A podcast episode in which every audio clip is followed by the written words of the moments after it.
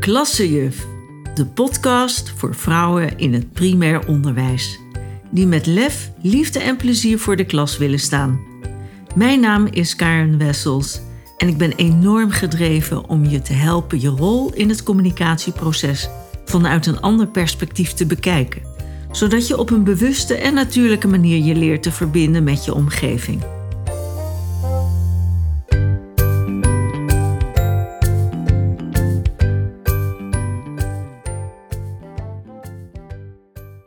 Hoi Mirjam, hartstikke leuk dat jij gast bent in uh, mijn podcast Klassejuf. Je bent mijn tweede interview. Uh, en, en waarom uh, heb ik jou uitgenodigd? Nou, we hebben elkaar vorig jaar leren kennen. Ben ik bij jou op bezoek geweest in Rijsbergen op het Kids Flow, nee, Flow Kids Centrum moet ik zeggen.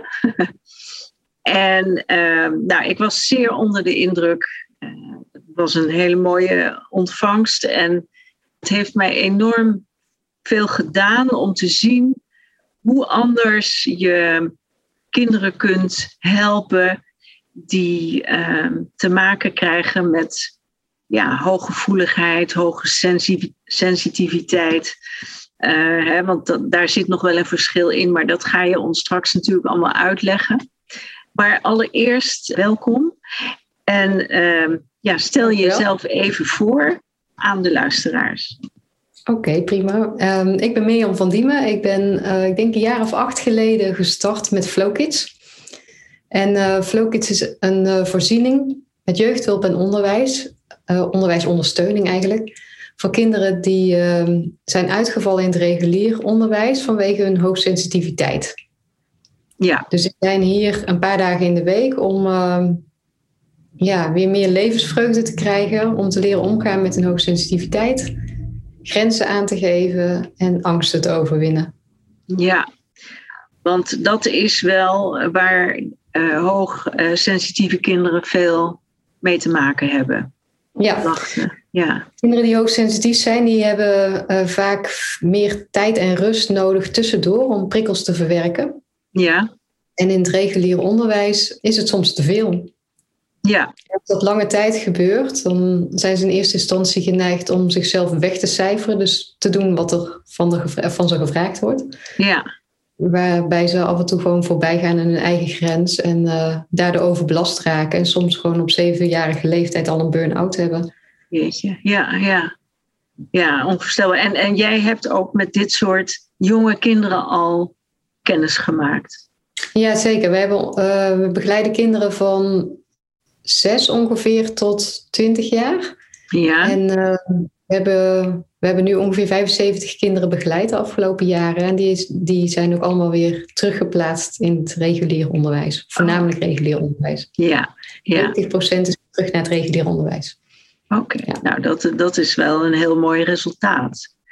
En uh, is dat dan ook een blijvend resultaat? Geef je krijgen die kinderen tools aangeboden, handvatten aangeboden waarmee ze hun hele leven mee door kunnen? Of moeten ze af en toe terug? Ja, dat wisselt. Er zijn kinderen die, uh, uh, die afscheid nemen, voldoende geleerd hebben hier.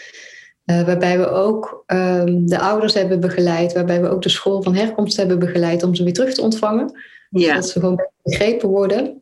Ja kunnen gewoon uh, de rest van hun schoolcarrière vooruit. Er zijn er ook die, uh, die een paar jaar goed gaan, die daarna weer ja, deels terugvallen, waarbij we ze weer op gang helpen. Soms zitten ze dan ook op een andere school. Dus dan is het belangrijk om ze daar weer vooruit te helpen en te zorgen dat uh, de nieuwe omgeving ook begrijpt wat ze nodig hebben. Ja, ja, ja. Goh, mooi.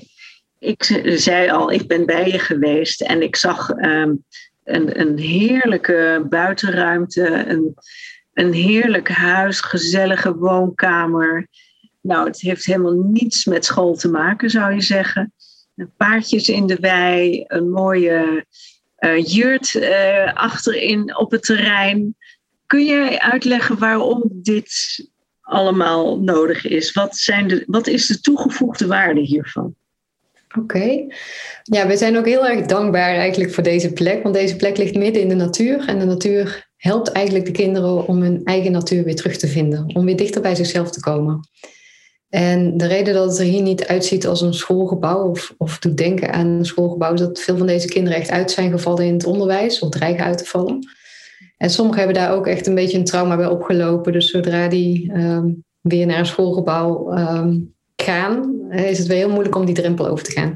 Dus wij hebben meer een thuisomgeving nagebootst, zodat ze gewoon vanuit, uh, vanuit vrijheid en veiligheid uh, weer een beetje aan school kunnen beginnen. Ja, school, aan school kunnen werken en weer werkconditie opbouwen. En, uh, ja. Ja. Zonder dat het er uitziet zoals op school. Ja, mooi, mooi. En, en wat gebeurt er dan met die kinderen hè, als ze zo buiten zijn? Moeten ze dan bij jullie les volgen of mogen ze gewoon helemaal doen waar ze zelf zin in hebben? Want het is een beetje van allebei iets. Eh, het ligt er al aan waar, uh, waar ze zitten in het traject. Het traject bestaat uh, eigenlijk uit drie fasen. De eerste fase is vooral ontprikkeling. De kinderen zijn niet voor niks uitgevallen of gedeeltelijk uitgevallen in het onderwijs.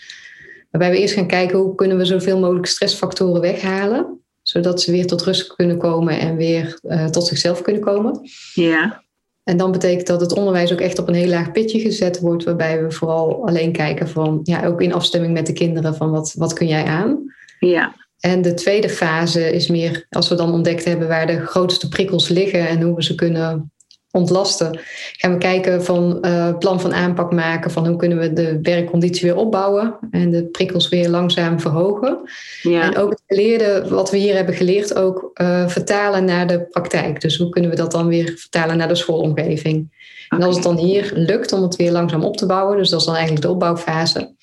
Uh, hoe kunnen we dan ook zorgen dat het in de schoolomgeving lukt om het op te bouwen? Ja. En de derde fase is eigenlijk meer het echt weer integreren. Dus weer opbouwen, weer meer naar school gaan, flowkits afbouwen en uh, ja, daarna nazorg en evaluatie. Ja, ja, en staat daar ook een termijn voor, uh, een maximale tijdsduur? Um, ja, het is eigenlijk echt maatwerk waar we steeds mee te maken hebben. Um, dus net als eigenlijk met een burn-out voor volwassenen. Daar kun je niet echt een tijd op zetten. Um, nee. Gemiddeld duurt het ongeveer een jaar, het herstel. Wat ja, ja. Maar dat, dat kan afwijken. De ene is, uh, dat is ook afhankelijk van wanneer, wanneer er aan de bel getrokken wordt. Van hoe, hoe langer het eigenlijk heeft voortgeduurd, hoe later het herkend is, ja. hoe langer het herstel duurt. Tuurlijk, ja. ja, daar kan ik me iets bij voorstellen. Ja. ja, en kun jij iets vertellen, Mirjam, over de waarom uh, van dit centrum. Hè? Je hebt nu uitgelegd wat jullie allemaal te bieden hebben. Maar wat is de aanleiding voor jou uh, geweest om dit initiatief uh, op te zetten? Um, ja, ik zag eigenlijk dat er uh, sommige kinderen tussen de wal en het schip belanden. Hè? Dus als het niet meer lukt om in het reguliere onderwijs mee te komen, dat, dat hoeft dus niet te liggen aan intelligentie, want ik zie dat deze kinderen vaak gewoon gemiddelde intelligentie hebben, sommigen ook hoogbegaafd, sommigen wat minder begaafd. Maar kijk, als het ligt aan minder begaafd, dan heb je weer scholen die daarin gespecialiseerd zijn. Ja. Uh, maar als het ligt aan, uh, aan de hoeveelheid prikkels en het minder prikkels kunnen verwerken in, uh, in dezelfde tijd, dus eigenlijk meer ja. tijd en rust tussendoor, dan merkte ik dat er weinig gehoor aangegeven werd. Hè? Dus dat er weinig ruimte is. Terwijl ik merk dat dat ja, eigenlijk wel te organiseren is. Maar goed, we, uh, kinderen raken dus overbelast. En dan is de vraag, waar kom je dan terecht? Hè? Dan kunnen ze misschien bij een zorgboerderij terecht. Maar goed, dan is er Ja. ook vaak geen onderwijs geregeld. Nee, Uh, terwijl ze best nog belastbaar zijn, vaak. Hè? Dus er zijn Ja. best dingen die ze wel kunnen. En ik kijk dan liever naar wat ze wel nog kunnen. eh, eh, zodat ze ook later weer fijn kunnen instromen. Hè, Ja. Zodat we de belangrijkste onderwerpen bijhouden, bijvoorbeeld taal en rekenen. Dat, dat ze daarin eh, niet te veel achterstand oplopen zodat als ze, als ze weer voldoende hersteld zijn, ze ook weer kunnen reïntegreren. En soms gewoon ook in de klas waar ze vandaan komen, dus met hun eigen vriendjes en vriendinnetjes. ja, Uh, dus eigenlijk om de achterstand beperkt te houden. ja, Om Ja. toch te kunnen werken aan herstel en groei en ja, zelfinzicht. Leren Ja. met hoogsensitiviteit. Ja. ja. Want wat gebeurt er met kinderen die zich realiseren dat ze anders zijn dan andere kinderen? Hè? Want je, ze, ze hebben een, een, een label gekregen. Hè? Dat, eh, of althans, ja, ik hou, ik hou helemaal niet van labels. Ik neem aan, jij ook niet. Maar Nee, de meeste kinderen hebben hier ook geen labels hoor. Nee, maar je, ze weten toch dat, dat er iets anders uh, is dan bij hun vriendjes. En, ja, en dat is moeilijk, hè, want ze ervaren eigenlijk iedereen kan dit en waarom kan ik dit niet? Waarom, waarom lukt mij niet? En waarom worden ze steeds, steeds minder vrolijk en uh, steeds minder levensplezier, steeds minder zin om af te spreken, steeds uh, ja, korter lontje. Ja, korter lontje. slapen, steeds angstiger. Ja. Ja. En dat is heel moeilijk. En het fijne is juist om in deze omgeving, wij begeleiden alleen hoogsensitieve kinderen uh, met internaliserende gedragsproblematiek. Dus het zijn kinderen die wat meer in hun schulp trekken als het niet goed gaat, dus steeds stiller worden. En uh, het fijne is als die kinderen bij elkaar zitten, dan krijgen ze weer, en het is een veilige omgeving, hè, dus er zitten vooral kinderen die ja, vergelijkbare problematiek hebben. Mhm. Dan hebben ze veel herkenning bij elkaar. En dan lukt het ze wel om wat meer uit de schulp te komen. Ja. En, we, we, combineren het bewust niet met externaliserend gedrag, omdat uh, dat juist averechts werkt. Dan voelen ze zich nog minder veilig en trekken ze nog, nog verder terug. Verder terug. Maar juist als je al die teruggetrokken kinderen bij elkaar zet, hè, dan durven ze wel meer en durven ze wel uit hun schulp te komen. En ja. veel steun aan elkaar. Van ja. zijn er net als ik. En uh, ja. daar groeien ze door. Daar groeien ze door uh, in zelfvertrouwen. Mooi, mooi, mooi, mooi. Ja, je gaf net al eventjes aan wat er gebeurt als het niet tijdig herkend wordt. Hè? Dan komen ze in een soort visieuze cirkel van kort lontje. Uh, ja, hoe komt dat korte lontje? Omdat ze slecht slapen. Uh, ze voelen zich uh, niet, niet gezien. Ehm, worden daar ook onzeker en verdrietig van. kan ik me zo voorstellen. Ja. Um, wat is belangrijk voor een leerkracht om te signaleren. Ja, hoe kunnen zij, zeg maar, duidelijk krijgen van hier is een hoogsensitief kind uh, in de klas. En wat kunnen zij daaraan doen? Ja, uh, veel hoogsensitieve kinderen zijn niet de kinderen die opvallen in de klas. Dus de leerkracht die heeft eigenlijk vaak weinig last van. Uh, ziet vaak een kind wat zich heel erg aanpast en ja, van alles doet om het de leer, leerkracht naar de zin te maken. maar wel vaak ook wat meer teruggetrokken gedrag vertoont. Hè, dus misschien steeds stiller wordt. Uh, maar eigenlijk zijn het meer de hele brave leerlingen. Um, ja, ik denk dat dat, dat, dat het meest opvallend is. Ja, ja. ja. Oké, dus uh, de, de, de, bijna onzichtbare leerling, hè, de groot. Je hebt in de klas altijd van die Haantjes uh, de voorste die altijd het woord nemen, altijd het initiatief nemen. Ja. En daar behoren zij dus totaal niet toe. Meestal niet, nee. Nee, nee. Vinden ze dat ook bedreigend? Of? Ja, um, soms is dat inderdaad bedreigend. Kinderen die brutaal zijn of kinderen die uh, ja, sociaal onwenselijk gedrag vertonen, dan voelen ze zich vaak comfortabel bij. Hebben ze vervangende schaamte.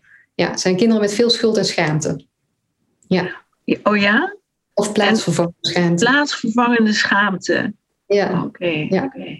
En, en hoe uitzicht dat? Dat is gewoon een gevoel wat, wat zich ophoopt uh, in, in hun hoofd. En... Ja, dat, dat vooral in hun lichaam. En, en dat, dat, dat, dat levert gewoon steeds meer inwendige spanning op. Ja. Ze willen het goed doen. En dat is niet altijd goed te doen. Mm -hmm. um, okay. ja, soms voelen ze zich ook heel eenzaam en onbegrepen. Ook om... Uh, ja. Ja, ze kunnen ook. Uh, ja, een vriendelijke terechtwijzing is vaak al voldoende. Ze hoeven, niet, ze hoeven niet hard te worden aangepakt. Nee. Als de hele klas hard wordt aangepakt, dan voelen ze zich enorm aangesproken, terwijl het dan vaak niet voor hen bedoeld is. Ja, ja, ja. Ja, ja. ja want dat wordt allemaal natuurlijk over één kamp geschoren. Hè? Dat, uh, ja. Er is geen differentiatie.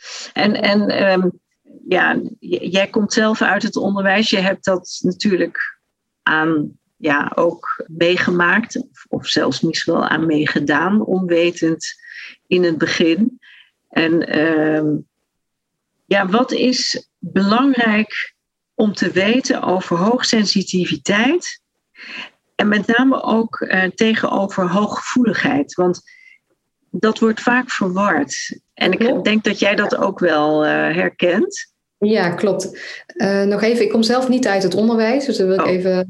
Ja, dat is okay. goed om even te weten. Ik kom zelf niet uit het onderwijs, maar uh, je hebt in het onderwijs heb je kinderen die. Uh, dat is een beetje termen die door elkaar gebruikt worden: hooggevoelig en hoogsensitiviteit. wij werken samen met de Universiteit van Leuven en die hebben daar een verschil in aangebracht eigenlijk. die geven eigenlijk aan van hooggevoeligheid. Dat betekent eigenlijk dat je zintuigelijk gevoelig bent. Dus dat al je zintuigen op scherp staan en dat je heel veel informatie binnenkrijgt. En ja. Dat je daar dus gevoelig voor bent. Maar dat geldt ook voor kinderen met autisme. Dus die zijn ook hooggevoelig. Hè? Dus die hebben heel scherpe zintuigen. Ja, ja. Komt informatie binnen. En het verschil tussen kinderen met autisme en kinderen die hoogsensitief zijn, volgens de definitie van Leuven, is eigenlijk dat die hoogsensitiviteit ook de sociale gevoeligheid bij komt kijken. Dus, uh, en ze hebben dat ook met, door middel van hersenscans scans kunnen vaststellen.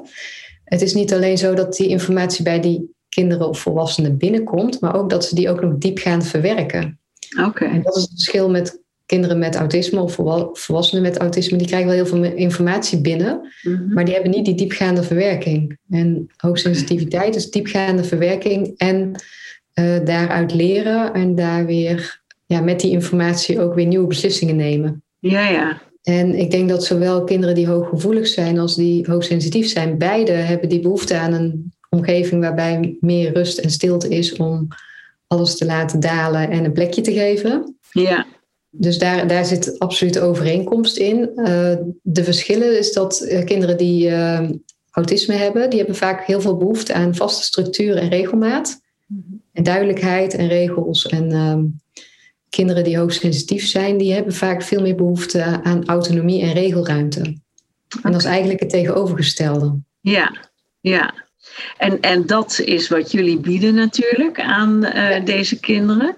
Ze mogen uh, in, in zoverre uh, gaan en staan waar ze willen als ze bij jullie zijn. Ja, ze hebben veel mogelijkheden. Um, we spreken bijvoorbeeld wel af van wat, wat er van ze verwacht wordt. in overleg met de leerkrachten en in overleg met de kinderen en met de leerkrachten hier. Ja. Uh, maar dan hebben ze wel zelf de ruimte van oké, waar ga ik dan mijn werk maken? Doe ik dat buiten? Doe ik dat binnen? Doe ik dat boven? Doe ik dat beneden? Um, doe ik alles achter elkaar? Of, of las ik rustmomentjes in? Ja. Dus er is wat dat betreft heel veel vrijheid en regelruimte voor de kinderen zelf. Ja. Zodat ze voorkomen dat ze overprikkeld raken. Ja, ja. Zeg, en uh, jullie centrum is uh, op zichzelf staand, hè? Mm -hmm. En zijn er nog andere uh, centra in het land waar ze iets dergelijks aanbieden voor hoogsensitieve kinderen? Ja, wat, wat ik weet is dat er uh, wel veel initiatieven zijn voor thuiszitters. Er is ook landelijk onderzoek naar gedaan door het ministerie. Ja. En er zijn iets van 40 initiatieven voor thuiszitters. Okay. Misschien nog wel meer ondertussen hoor, maar ja. zoiets het in mijn hoofd. En, maar het zijn er ook. Het is een grote groep, hè? Het is, een hele grote groep. Ja, er zijn ja. heel veel kinderen. Um, maar heel veel van die initiatieven, eigenlijk alle initiatieven die ik heb gezien, die richten zich gewoon op alle thuiszitters en hebben niet één specifieke doelgroep. En dat hebben wij wel, omdat veel kinderen die thuis zitten, ja, of hoogsensitief zijn of autistisch. Ja, want het, het regulier, de meest reguliere kinderen die houden het nog wel vol in het systeem. Uh, maar voor kinderen met autisme zijn speciale scholen. Dus er is al heel veel en speciale zorgboerderijen die speciaal gericht zijn op kinderen met autisme. Ja. En voor sensitiviteit, waarbij eigenlijk een heel andere behoefte is, hè, veel autonomie en regelruimte, daar, daar is niet zoveel voor. Nee. Uh, wat ik, ja, nee, dat is, dat is wat ik zie. Ja. ja. En, en, en dan moet ik meteen denken aan democratisch onderwijs bijvoorbeeld, of agora-onderwijs. Nou, dat is uh, precies wat net even in mijn hoofd omging. Ja. Je hebt wel democratische scholen. Ja. Uh, daar ben ik, heb ik ook een paar bezoeken aangebracht, een paar democratische scholen, om eens te kijken hoe doen ze daar. Ja. Um, uh, daar heb ik me ook wel door laten inspireren. Ik denk dat veel uh, democratische scholen ook goed aansluiten op de kinderen die hoogsensitief zijn. Ja. Um, het is alleen wel heel moeilijk, heb ik het idee, heb ik gezien, uh, dat als je op een democratische school zit om uiteindelijk echt aan een regulier diploma te komen, Um, zeker als je dan ook een middelbare schooltraject uh, gaat volgen bij een democratische school. Mm-hmm. Dan vereist het heel veel zelfsturing en heel veel zelfdiscipline om dat uiteindelijk voor elkaar te krijgen. Ja. En dat is niet voor iedereen weggelegd. Nee. Dus dat, dat houdt een risico in ook. Uh, ja, omdat we nog steeds wel te maken hebben met een maatschappij die vraagt om papiertjes. En uh, ja ja, werkomgevingen die vragen om papiertjes. Ja, en ja. we daarmee te maken hebben, is, het, is de keuze voor een democratische school ja, aan de ene kant heel fijn, want de kinderen hebben daar veel vrijheid en regelruimte. Ja. Aan de andere kant belemmert het, zou het belemmerend kunnen werken als je niet voldoende discipline hebt en zelfsturing om uiteindelijk toch uh, te bereiken wat je wil bereiken. Ja, ja.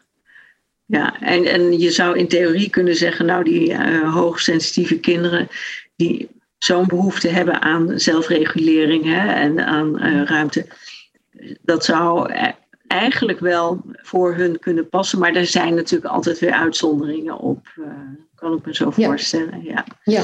en wat ik ook zie is dat, dat eigenlijk het binnen het regulier onderwijs er best veel mogelijkheden zijn om het voor deze kinderen wel fijn te maken. Ja. Alleen dat is, dat is nieuw en spannend voor de leerkrachten. Ja. In plaats van dat we vragen om wat extra te doen, vragen we om wat meer los te laten. Ja, dus tijd en rust geven, uh, de ruimte geven om tussen, tussen de werkjes door even het klaslokaal te verlaten. Of misschien zelfs het schoolgebouw, even een wandelingetje in de omgeving maken. Of dat is ook wat, je, wat, jullie, wat, hè, wat jullie adviseren ook eh, leerkrachten eh, en scholen in het algemeen hierover.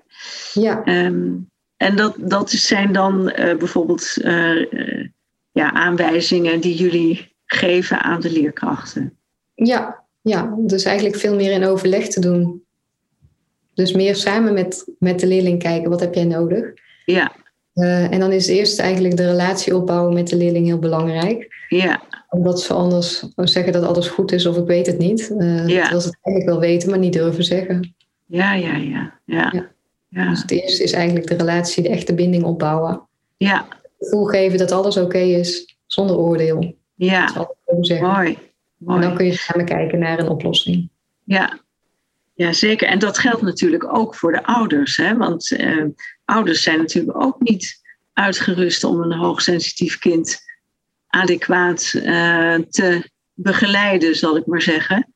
Misschien voor een deel wel intuïtief, maar er zal toch ook wel begeleiding nodig zijn. Ja, voor veel ouders is het uh, ook leren loslaten. Loslaten. Ja, ook leren loslaten. Ja. Vertrouwen dat het kind weet dat, wat hij nodig heeft. Ja. En dat is eigenlijk wat we hier ook vooral doen. Gewoon heel goed naar de kinderen luisteren. Ja. omgeving bieden uh, waar geen oordeel is, dat alles oké is. Ja. En dan luisteren naar wat ze nodig hebben. En dan ja, dat vertalen eigenlijk naar de omgeving. Ja. En dan zien we dat de kinderen enorm opknappen. Ja, wat mooi. Ja, dus eigenlijk is het helemaal, het is geen rocket science. Uh, ik snap dat uh, de wetenschap hier uh, mee bezig is en dat is heel mooi dat je dat in samenspraak kunt doen met, met Leuven, hè, met de Universiteit van Leuven. Maar eigenlijk is het een, um, een, een soort intuïtief gevoel wat je, wat je moet inzetten van hè, hoe voelt dat nou voor mij, hoe voelt het voor het kind en ja, waar komen we dan uit samen? Ja, vanuit gelijkwaardigheid, vanuit ja. verbinding, samenwerken. Ja, zoals, ja. zoals, je dat ook met volwassenen zou doen. Ja. Want eigenlijk is het schoolsysteem uh, ja, niet zo gelijkwaardig ingericht als dat uh, eigenlijk wenselijk is voor mensen en voor kinderen. Ja. ja. Goh, Mirjam, uh, heel interessant. Ehm, ik, ik heb nog een laatste vraag aan jou. Uh, ik zal natuurlijk de gegevens van jou eh, in de show notes vermelden. Kunnen mensen met jou contact opnemen hierover? Of heb je zoiets van, nou, ik, wij werken zo regionaal dat, dat we dat liever niet doen? Hoe, ja, uh, we krijgen, ik krijg nu ook wel uh, af en toe berichten van uh, elders uit het land. Okay. maar het is inderdaad, onze doelgroep zit meer hier in de, in de regio. En dat is eigenlijk, we zitten in Breda en de regio loopt een beetje van, ik denk van Roosendaal tot met Tilburg ongeveer. En dan Ja. naar het zuiden toe van Balen-Nassau tot, tot Gorkum. Oké. Dus dat is een beetje de regio die, die wij ja, waaruit kinderen komen dan. Uh, Ja, ja. um, en die wij kunnen helpen. Mhm. Um, zelfs soms komen er kinderen ook nog van boven de rivieren. Ja, dat kan wel, maar dat, dat vergt natuurlijk ook veel reistijd dan van ouders en, uh, ja, en kinderen om dat allemaal te organiseren. Ja. En uh, voor andere kinderen, ja, want we krijgen wel vaker dat soort vragen. Die verwijzen toch meestal door of naar democratisch onderwijs of naar andere initiatieven voor thuiszitters. Oké. Ja. Het is nog niet mogelijk om iedereen te bedienen, helaas. Nee, nee, dat Ja. snap ik. Maar ze kunnen in ieder geval bij je terecht, mochten ze hier meer informatie over willen hebben. Ja, dat is prima. Ja. Oké. Nou, dan wil ik jou ontzettend bedanken voor je tijd en voor deze informatie. Heel interessant en prachtig werk wat je doet. En uh, ja, het gaat mij zeer aan het hart uh, wat je allemaal hebt verteld. En uh, ik, ik neem aan dat de luisteraar dat ook uh, zal vinden. Het is een, een, een thema wat natuurlijk eigenlijk onderbelicht is in mijn ogen. En ik wil dat ook weer aandacht geven. Dus ja, dit is mijn manier om daaraan bij te dragen.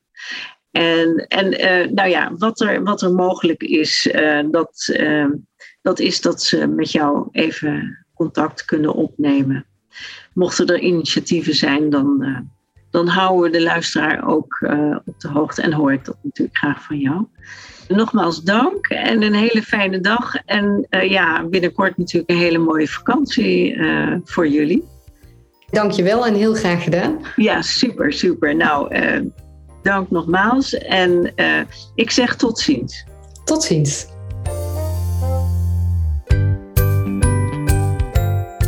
Leuk dat je luisterde. Vond je dit interessant of heb je nog vragen of opmerkingen? Laat het me weten via www.karenblad-wessels.nl slash contact of zoek me op op LinkedIn of Facebook. Ik hoop je te ontmoeten. Dag!